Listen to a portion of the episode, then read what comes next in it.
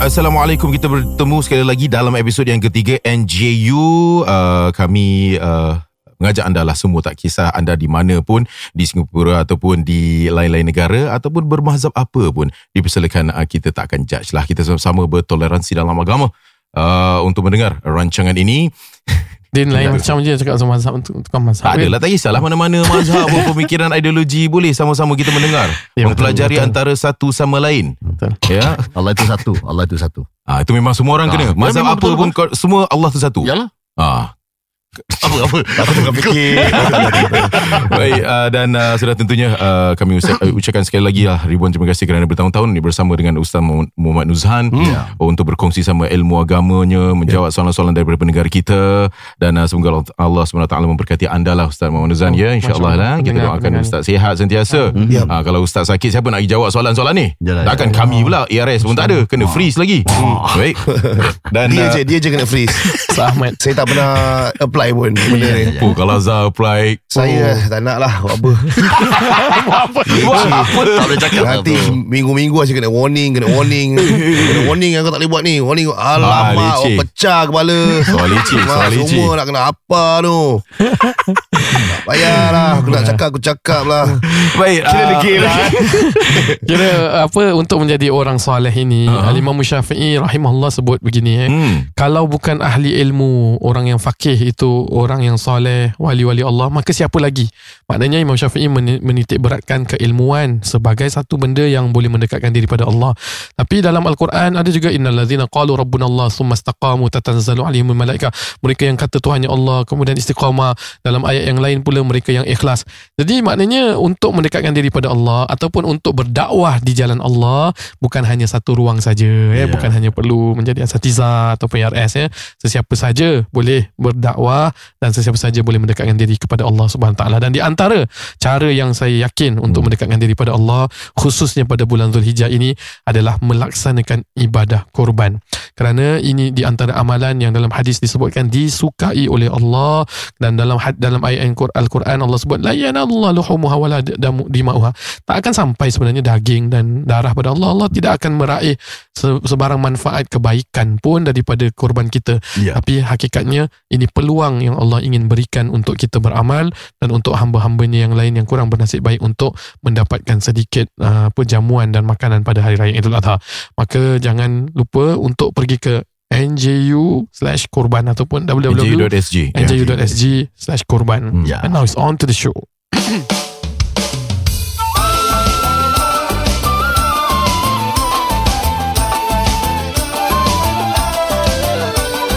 Jangan segan dan malu Marilah mendengar NGU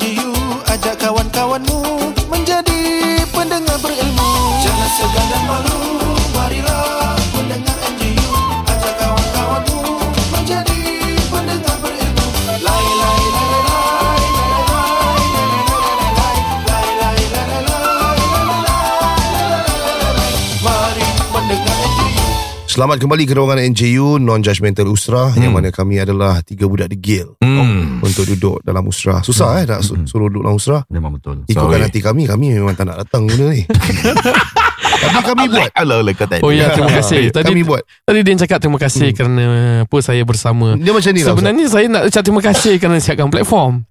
Dia macam ni lah Dia Ha. macam sejahat mana pun Solat jangan lepas Betul. Okay. Hmm. Ni selalu Trainer saya ingatkan saya Hmm.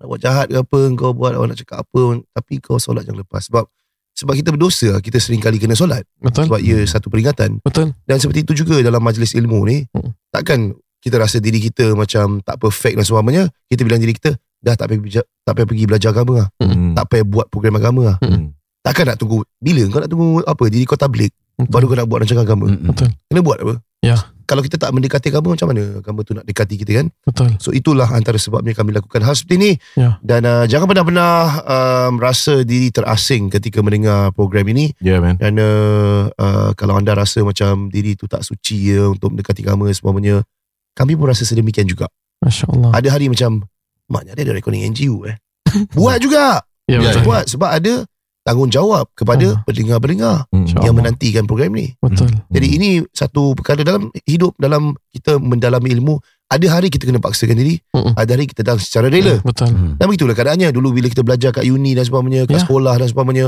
bukan hari-hari kita nak pergi belajar. Betul. Ada hari malas, ada hari macam Cik nak pergi kelas. Hmm. Tapi kau pergi because kau nak dapat kau punya credit score semua, GPA nak Betul. clock in and all that. Ya. Begitulah agama, begitulah fitness juga. Masya Hmm. Allah. Ada hari macam tak nak pergi gym, malas lah. Habis macam kau nak fit, macam kau kurus, macam mana kau nak um, build muscle strength. Yeah. Bukan orang pergi gym hari-hari sebab dia nak pergi hari-hari. Dia datang sebab dia ada rutin. Ya. Dia kena ikut pada rutin. Dia ada disiplin dia. Begitulah keadaan kita di sini. Dan- untuk menjadi orang yang baik ataupun Betul. untuk mendekati diri kita dengan Tuhan mesti ada rutin, mesti ada disiplin. Ya, bila cakap pasal solat juga dalam sebuah hadis, kalaulah seseorang itu Nabi gambarkan dia pergi ke sumur sampai lima kali, Nabi kata bersih tak dia? Maksudnya kadang-kadang kita kotor dan kembali ke sumur untuk membersihkan diri. Jadi begitu halnya orang yang solat. Sumur apa? Sumur tu macam kalau ada sumur di ladang, ladang. boleh saya menumpang mandi. Dia macam Oh, sungai Kolam sungai. kecil. Ah, Ah. okey, maafkan saya Ustaz ya. Jadi kalau bila kita selalu bersihkan diri dan orang-orang yang solat kan insya-Allah pelan-pelan Mm-mm. dia akan jauhkan diri daripada segala kemungkaran ya inna salata tanha anil fahsya'i wal munkar sembahyang mencegah daripada keburukan tapi uh, bila cakap pasal kelas apa program ini ataupun platform ini saya tadi dia cakap terima kasih saya kita patut saya pun patut cakap terima kasih pada anda sekalian Hmm. memberikan platform untuk kita reach out to people dan kepada anda juga yang dah bertahun-tahun mendengar bersama terima kasih. Jadi kalau nak tunggu semua perfect ada satu ayat dalam al-Quran. Kita bila buat umrah ada satu yang nama tempatnya sa'i. Inna safa wal marwata min sya'airillah.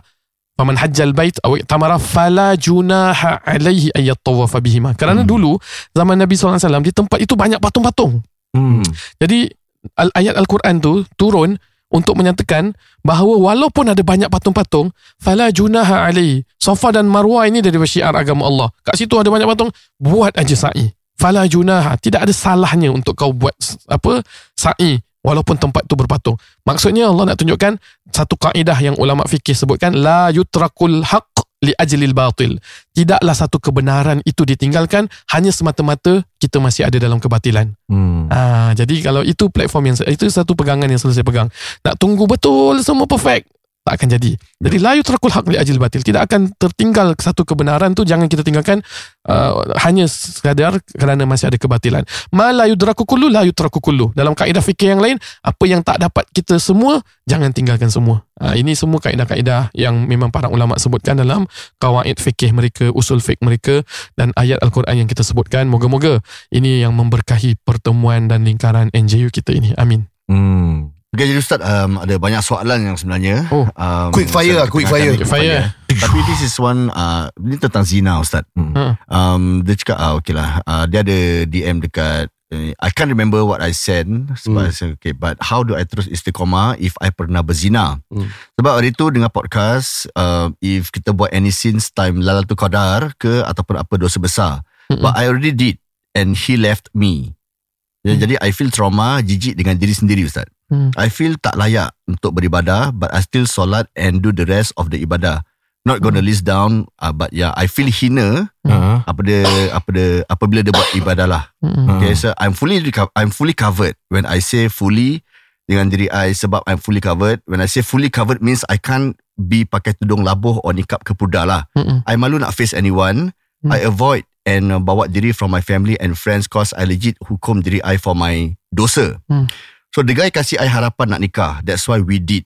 Mereka berzina lah Ustaz. Hmm. So will Allah ever forgive me? Sebab zina dosa besar. I'm Hmm. also diagnosed with anxiety. I really feel like ending my life Ustaz. Masya Allah, Masya Ya, yeah, Allah. so dia rasa hina lah apa Mm-mm. dia, dia selalu berzina dengan uh, bekas kekasih lah mungkin Mm-mm. uh, dan di bulan Ramadan juga di bulan puasa dan Mm. kekasih dia pun kata dengan dia uh, Mm-mm. kalau dia nak buat perkara ni nak Mm. kena batalkan dosa um, batalkan puasa dulu Hmm. dah batalkan puasa baru boleh buat uh, Mm. perkara ni lah Mm. jadi she follow suit Mm. and after that they break up pasal dia jatuh dengan kata-kata kekasih dia yang dia nak kahwin lah nak kahwin wanita, wanita ni semua lah Hmm. So at the end of the day tak jadi kahwin So sekarang dia rasa diri dia ni macam betul-betul hina Ustaz Dia kalau Hmm. betul-betul solat ke dia uh, Solat taubat ke dia Hmm. rasa macam It doesn't work for her Hmm. Sampai dia macam rasa nak end, end Yes. in life So pandangan Ustaz macam mana?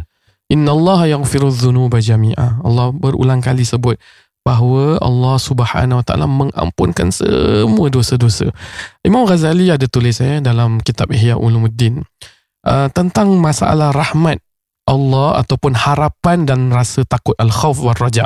Mhm. Kadang-kadang ada masanya kita boleh rasa takut. Takut sangat dengan Allah. Ada masanya kita boleh ada rasa harap sangat dengan Allah. Jadi kita kena sayap rasa takut dan sayap rasa berharap ini perlu seimbang. Ada kalanya jadi samun qatilun kata Imam Ghazali. Kalau orang yang memang rasa ah tak apalah Allah Maha pengampun apa ah, tak kisahlah Allah Maha pengampun tak kisah buat dia dosa dia taubat. Maka perlu rasa takut kepada Allahnya lebih tinggi daripada rasa berharap dan dia selalu cakap begitulah kan Allah Maha pengampun. Tapi kalau ada orang rasa ah, Allah ampunkan tak dosa aku ni. Allah ampunkan tak dosa aku ni. Macam mana ni diri aku ni? Maka perlu pertingkatkan rasa berharap pada Allah Subhanahu Taala. Maknanya membaca semua apa yang dilalui oleh para ulama kita apa yang ditulis oleh para ulama kita tentang orang-orang yang berdosa. Mhm. Sebagai contoh dalam sebuah hadis Nabi sallallahu alaihi wasallam, seorang bukan cakap penzina, seorang yang bekerjaya sebagai pelacur pada zaman Bani Israel itu Ya. memberi minuman kepada seekor anjing Anjing. boleh dikaitkan sebagai satu pekerjaan yang hina kepada se- seekor haiwan yang paling hina hanya sebatas memberi minuman Allah SWT catatkan syurga dan ampunkan dosa-dosanya kedua kalau orang yang pernah membunuh 99 orang bunuh Hmm. bunuh bunuh bukan pakai tembak zaman dulu Ya. kan bunuh is very brutal lah pakai tombak pakai apa tangan dan sebagainya 99 orang dan apabila dia nak bertaubat dia dia diarahkan pergi ke satu tempat itu untuk kau bertaubat. Dia belum lagi sampai kat tempat itu. Hmm. baru tujuannya nak sampai ke tempat itu para malaikat berebut. Ada yang kata dia dah taubat ada yang kata belum taubat. Sampai malaikat membawa laporan ini kepada Allah dan Allah SWT menyatakan dia sudah sampai ke tempat yang nak bertaubat. Jadi maknanya kena banyak baca tentang bagaimana luasnya pengampunan Allah SWT. Dan itu satu perasaan yang bagus. Perasaan Hmm. malu pada Allah. Ya. perasaan kita tak rasa macam apa complacent ah, aku dah bertaubat lah tak kisahlah tu ah, tu kan kan tapi dalam masa yang sama jangan sampai kita punya amalan seterusnya menjadikan kita dah tak nak beramal lagi Mm-mm. boleh kita beramal dengan rasa aku ni masih banyak dosa dengan Allah. Itu satu kesedaran, rasa malu yang Allah berikan. Tapi jangan sampai syaitan mengatasi sehingga sudahlah aku tak payah amal lah. Sedangkan tadi yang Zal kata orang nak ber, nak pergi gym ke, nak solat ke, nak ke- buat pergi kelas ke mesti istiqamah dahulu. Baru datang perasaan ikhlas, baru datang nikmatnya tapi mesti paksa diri untuk istiqamah. Jadi tahniah anda telah bertaubat. Moga-moga anda istiqamah. Banyakkan bacaan-bacaan tentang bagaimana luasnya uh, pengampunan Allah di samping itu jangan sampai berputus asa dengan rahmat Allah dan jangan sampai kita melakukan amalan sehingga tipu daya syaitan menjadikan kita merasakan tidak diterima oleh Allah istiqamah Wish. Baik. Okay, so kita akan teruskan dengan angkat Satu call ya. kedahsyatan. Oh. Kita teruskan dengan uh, soalan-soalan yang lain Oh, kerana pada waktu ini dalam 12 minit kita Oh dah habis eh Masya Allah bertarung. Oh, oh, oh, taruh. Oh, ya. ya pasal uh, dua podcast lah penat lah Ya, Ya, ya, ya, ya, ya. ada Kena telefon paksa- telefon kena ni paksa telefon. diri. Ya. Hmm, telefon satu. Jadi Ah, mungkin telefon satu ambil Ah, panggilan, ambil satu. panggilan. Silakan Assalamualaikum kepada Guaha, Libis Guaha, Libis. Eh, ini Libis eh? bukan bukan bukan. Oh, bukan. bukan eh. Ya. Assalamualaikum Libis. Uh, Guaha Libis kalau tak angkat kita akan teruskan dengan Kaizan. Hello? Ana Ana akhi gua. Oh, ah, ya lah, ya lah. Alhamdulillah. Ya, buat panggilan daripada mana Guaha? Masya Allah Saya daripada Tampines. Baik. Baik, silakan akhir Wahra dengan soalan. Ni uh, Assalamualaikum. Belum beli salam lagi. Waalaikumsalam warahmatullahi wabarakatuh Nak Yeah. Ini ini ini deep and confusing sikit lah eh. Pasal I'm a deep thinker. This is more like cu- curiosity. apa apa? Tak ada, tak ada. Teruskan, teruskan. Teruskan, teruskan. Nah, okay. This is more like curiosity and discussion lah. Okey.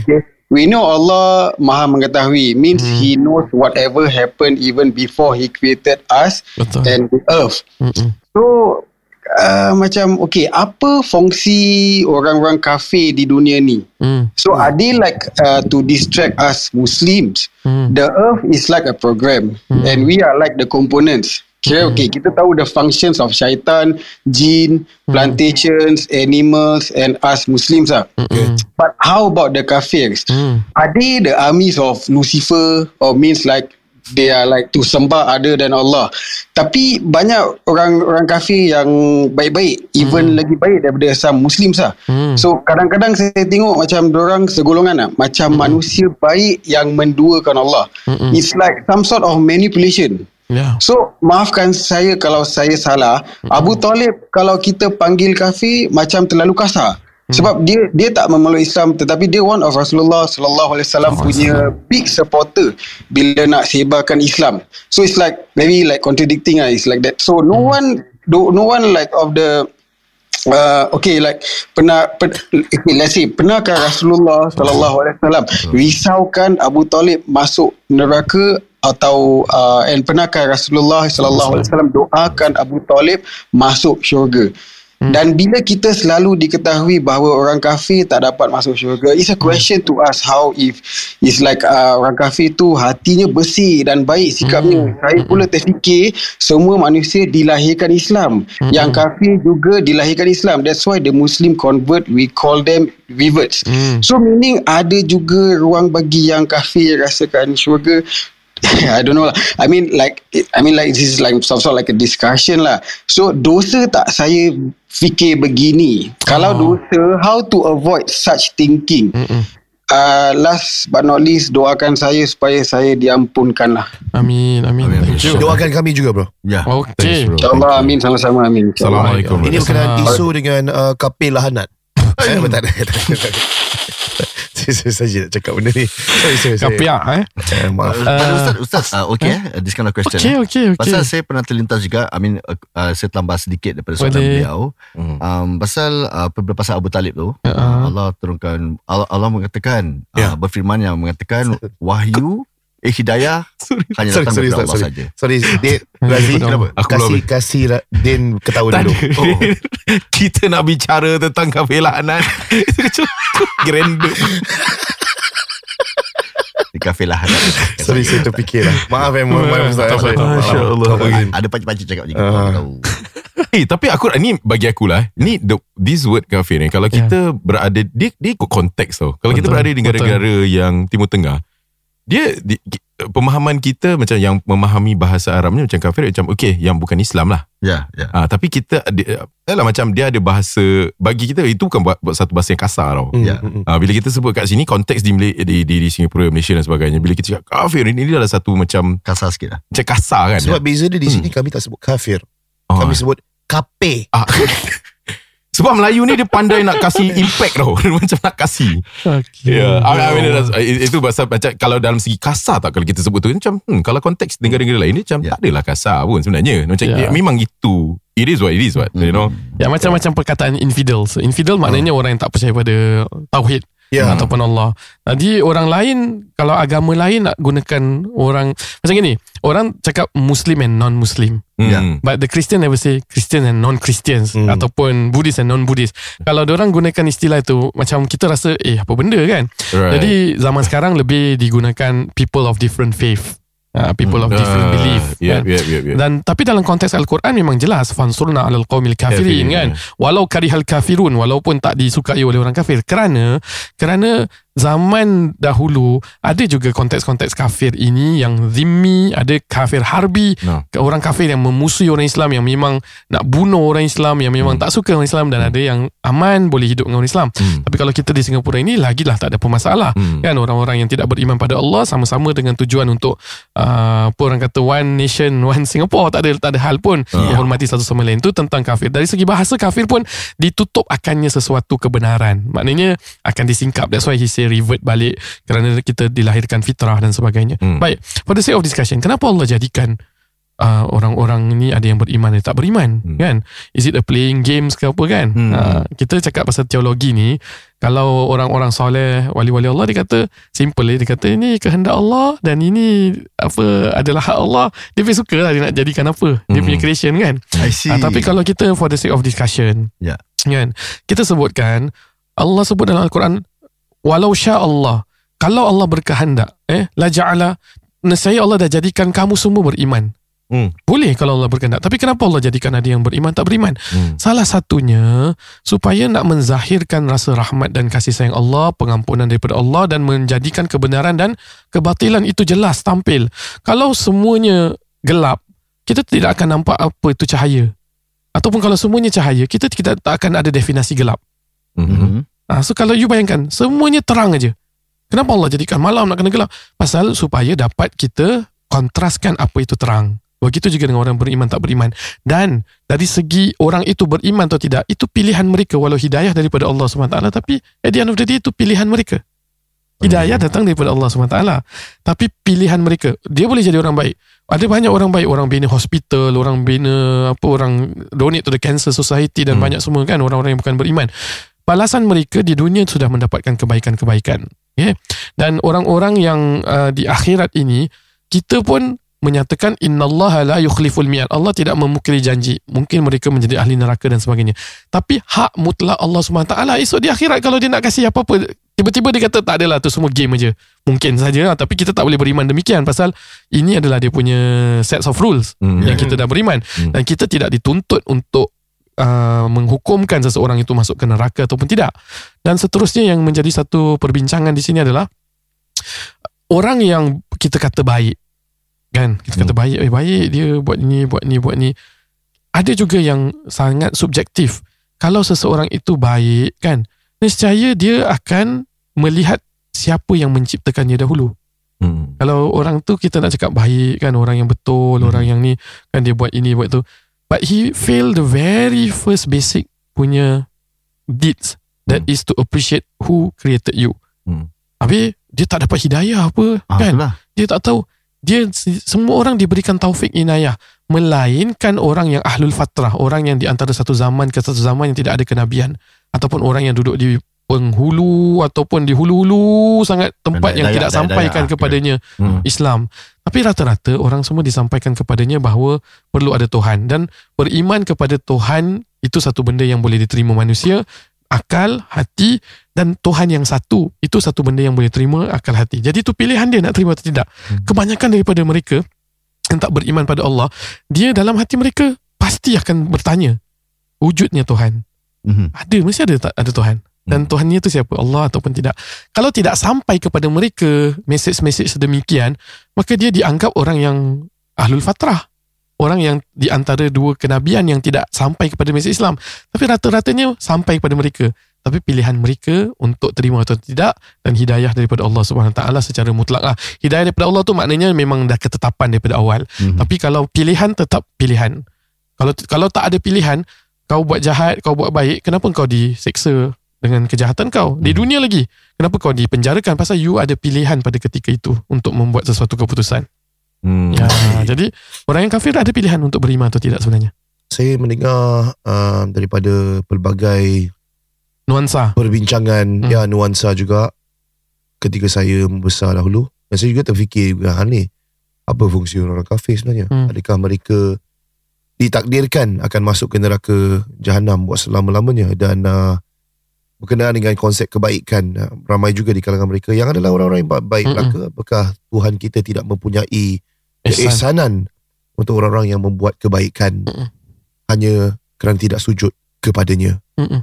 dan um, ada yang mengatakan itu adalah tugas kita sebagai orang Islam Hmm. untuk memperkenalkan Islam Hmm. kepada mereka Hmm. sebab itu adalah an- antara amanah yang kita sebagai Orang beriman. uh, orang yang beriman harus menggalas dan menjalankan bukan hanya tinggal di dunia ini dan juga mengikuti apa yang telah pun disyariatkan oleh agama sebab tu ada ayat yang mengatakan sampaikanlah walau Beliguannya walau ayat. ya walau apa Walau satu ayat. Sampaikan Walau- tentangku ya. walaupun dan satu ayat ayat. ni adalah satu ayat yang kuat bermaksud uh, tugas kita sebagai orang Islam adalah untuk sampaikan kebaikan agama kita dan menyampaikan apa maksud agama kita dan ketika disampaikan kepada orang tak kisahlah apa you letakkan label kafir ke apa Mm-mm. dan seandainya mereka ingin terima ataupun tidak tugas kita telah pun Mm-mm. dilakukan Mm-mm. jadi macam mana ni Ustaz like um, adakah Ustaz rasa sedemikian rupa Ya. uh, vibe Ustaz ni macam mana berkenaan dengan orang-orang kafir yang ada ni adakah ia Hmm. satu tanggungjawab untuk kita menyampaikan kebaikan agama kita untuk mereka Jadi dia ada um ada islah, ada dakwah.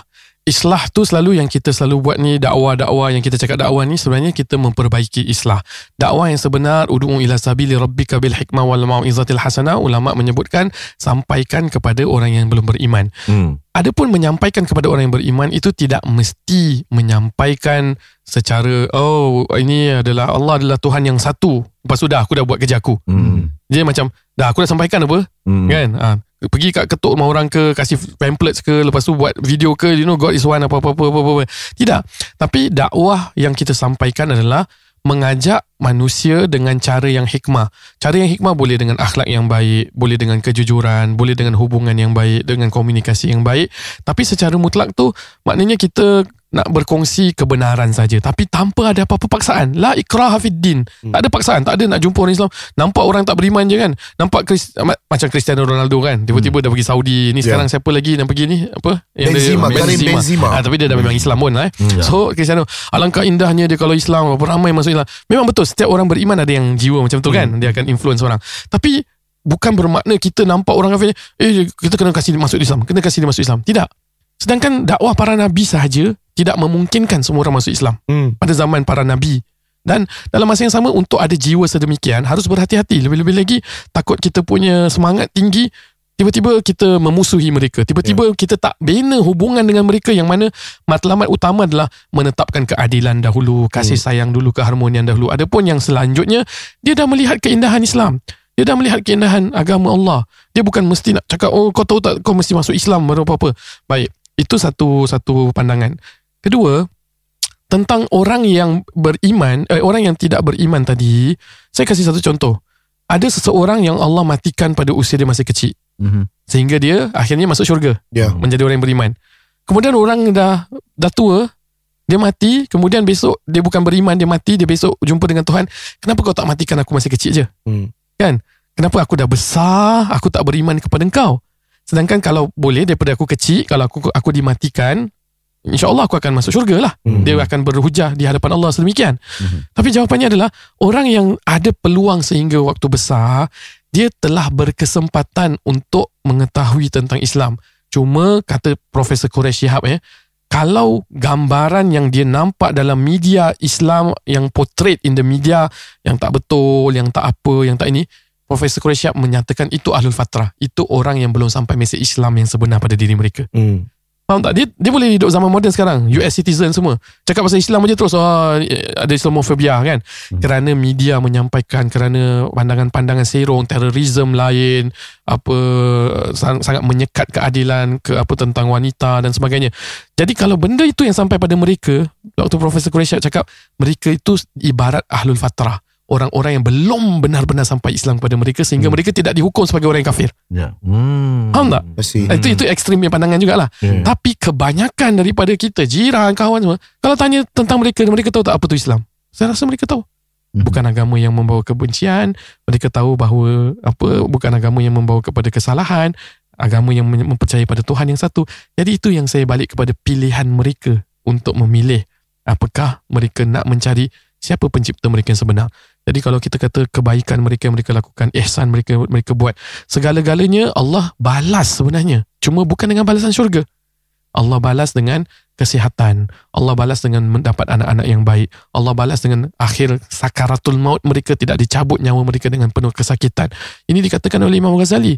Mungkin sakaratul maut mereka diringankan. Pasal mereka banyak buat baik dekat dunia walaupun tak beriman pada Allah. Sifat rahman Allah ada pada diri mereka walaupun tak beriman. Kerana Allah kalau betul-betul kalau betul-betul nak cakap fair ataupun tak fair, Hmm. kau tak beriman dengan aku, aku tak kasih kau hidup pun. Aku tak kasih kau rezeki pun. Tapi in fact this rezeki, this nyawa walaupun kau tak akui aku sebagai orang yang menciptakan kau, Tetap Hmm. kaya juga. tetap kau kaya, Maha tetap pemurah. kau, ya, Maha. Ah, jadi tetap adil. Cuma engkau tidak mengakui aku sebagai pencipta engkau dan mana kejadian manusia asalnya adalah mencari Tuhan. Memang psikologi ke apa pun dah cakap fitri atau tauhid ada pada individu manusia. Manusia dijadikan dengan akal, secara tak langsung dia akan nak tahu siapa yang menjadikan dia, apa dunia ni. Ini adalah persoalan yang berligar dalam minda dia. Tanggungjawab orang yang beriman untuk sampaikan dan dia pun terdedah dengan informasi jadi balik kepada pilihan dia sendiri at the end of the day untuk dia percaya beriman ataupun tidak. Masya Allah. Baik, terima kasih Ustaz atas uh, perkongsian Ya. yang agak deep awal tadi, deep thought. Oh, eh, eh. Tapi ini juga adalah satu deep thought. Hmm. Fikir tentang uh, korban. Hmm. Ya. Agak kau cakap kambing. Kalau kambing aku boleh terketawa bro. Asal Kalau korban kena macam fikir pasal kambing. Ah. Tak boleh lah. Dia kena korban Kurang pun deep sedap lah. tahukah anda kambing boleh berenang eh? Oh. Okey tu deep. Hmm. Ketawa ketawa Why why? No, yeah, it's, Ya, it's a fun fact, tak fun fact. Oh, is it? Oh. I'm sharing with you a fun fact. Okay. Eh. okay. Kambing boleh berenang. Oh, Hmm. oh, wow. Good for them lah. Ini Kambing, satu ya. skill lah yang Oh. mungkin kita jarang Ya. nampak kan. Ah, betul, betul, betul. Sebab selalu kambing on land. Mm-mm. Ya. Bila ditolak dalam air dia boleh berenang. Oh, Wow. dahsyat. Yeah. Betul eh? Wow. Dia punya berenang macam anjing sikit ke macam Uh, macam tak, babi. Tak, Tak ada. Babi tak boleh, babi tak ada leher. Yelah. Oh, yalah, Ini yalah. ada leher. Oh. Dia boleh berenang. Oh. Okey, baik. Apa fun, oh, fun fact? Fun fact lah. lah. Fun fact. Kenapa saya tahu? Ah.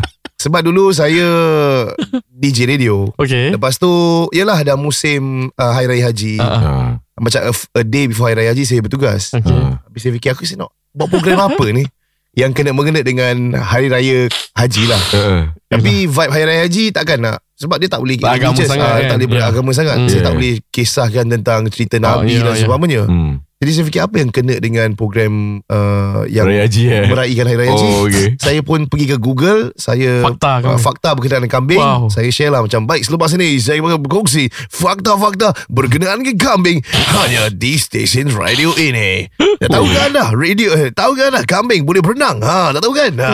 Okay. yeah, okay, that's interesting. I just know. Saya cuma tahu fakta tentang seekor kambing ni Hmm. uh, bahawa mereka kalau sakit, Hmm. mereka tak boleh dibiarkan sendiri. Dia akan cepat mati. Dia Eh. adalah binatang yang dalam sekumpulan. Mm-mm. Ah, jadi sebab itu para pengemba, para anbiya banyak tugas mereka mengembala kambing. Mm-mm. Jadi seakan-akan satu latihan untuk mereka menyatukan masyarakat kan masyarakat tu jangan dibiarkan seorang kalau masy- masyarakat tu ada ada apa sakit hatinya Hmm. ada kemusuhannya ada kedengkiannya kan Ah. harus disatukan dalam berjemaah Ah. jadi ada some similarities lah eh Aha. untuk latih mereka bila menjadi para nabi Hmm. ah jadi So, itu antara tak boleh lonely lah. dia tak Nak- boleh lonely Maksudnya nak kena ada orang untuk jaga merawat kambing tu lah. Yes dan dan Ah. bila kita tengok um, uh, penyembelihan punya proses ya di Singapura dan sebagainya bila ada AVA ruling yang begitu ketat dan sebagainya kita banyak pelajari juga bahawa kambing ni tak boleh stres dalam satu tempat yang kecil. Hmm. Ah dia berapa ekor kambing equivalent tu berapa size dia supaya Oh. mereka tak dia tak timbul rasa stres. No. Ah. Kalau kambing stres pun Kambing terberak-berak Ustaz Oh Pasal Ya ke? dulu bila korban Saya nak tangkap kambing Ya. Dekat masjid Ah. Saya tengah tangkap kaki dia Tengah kejar Dia terberak-berak Oh. Ya tu mungkin Stres ketakutan lah Ketakutan, Ah, eh ketakutan. ya, Ketakutan Jadi itu antara fakta-fakta kambing Dan saya pernah Dekat Mesir dulu orang Apa kambing makan kertas semua tau Makan makan makan makan makan Dia kata eh Kertas semua dia makan eh Hmm. Habis kita tegur Terus dia ludah keluar, Keluarkan balik Oh. Kira Jadi kambing kira dia tahu lah faham teguran lah eh. Faham teguran Baik, ayo sama-sama kita uh, melakukan ibadah ini. Uh, kita raikanlah uh, ibadah uh, dalam bulan Zulhijjah ini untuk melakukan korban uh, yang mana NJU uh, di uh, menawarkan anda untuk melakukan untuk dua negara iaitu di Bangladesh dan juga di Indonesia. Uh, dan anda boleh uh, terus lungsuri NJU.SG garis miring kurban untuk melakukannya. Semoga Allah SWT amin, anda. Ayo sama-sama kita uh, segeralah melakukan ibadah ini Ya. atas nama arwah ke untuk diri sendiri ke dan sebagainya. Dan uh, sekali lagi lungsuri www.nju.sg garis miring kurban dan uh, kita bertemu di lain kesempatan. Ila liqa Assalamualaikum warahmatullahi wabarakatuh. Waalaikumsalam Warahmatullahi Wabarakatuh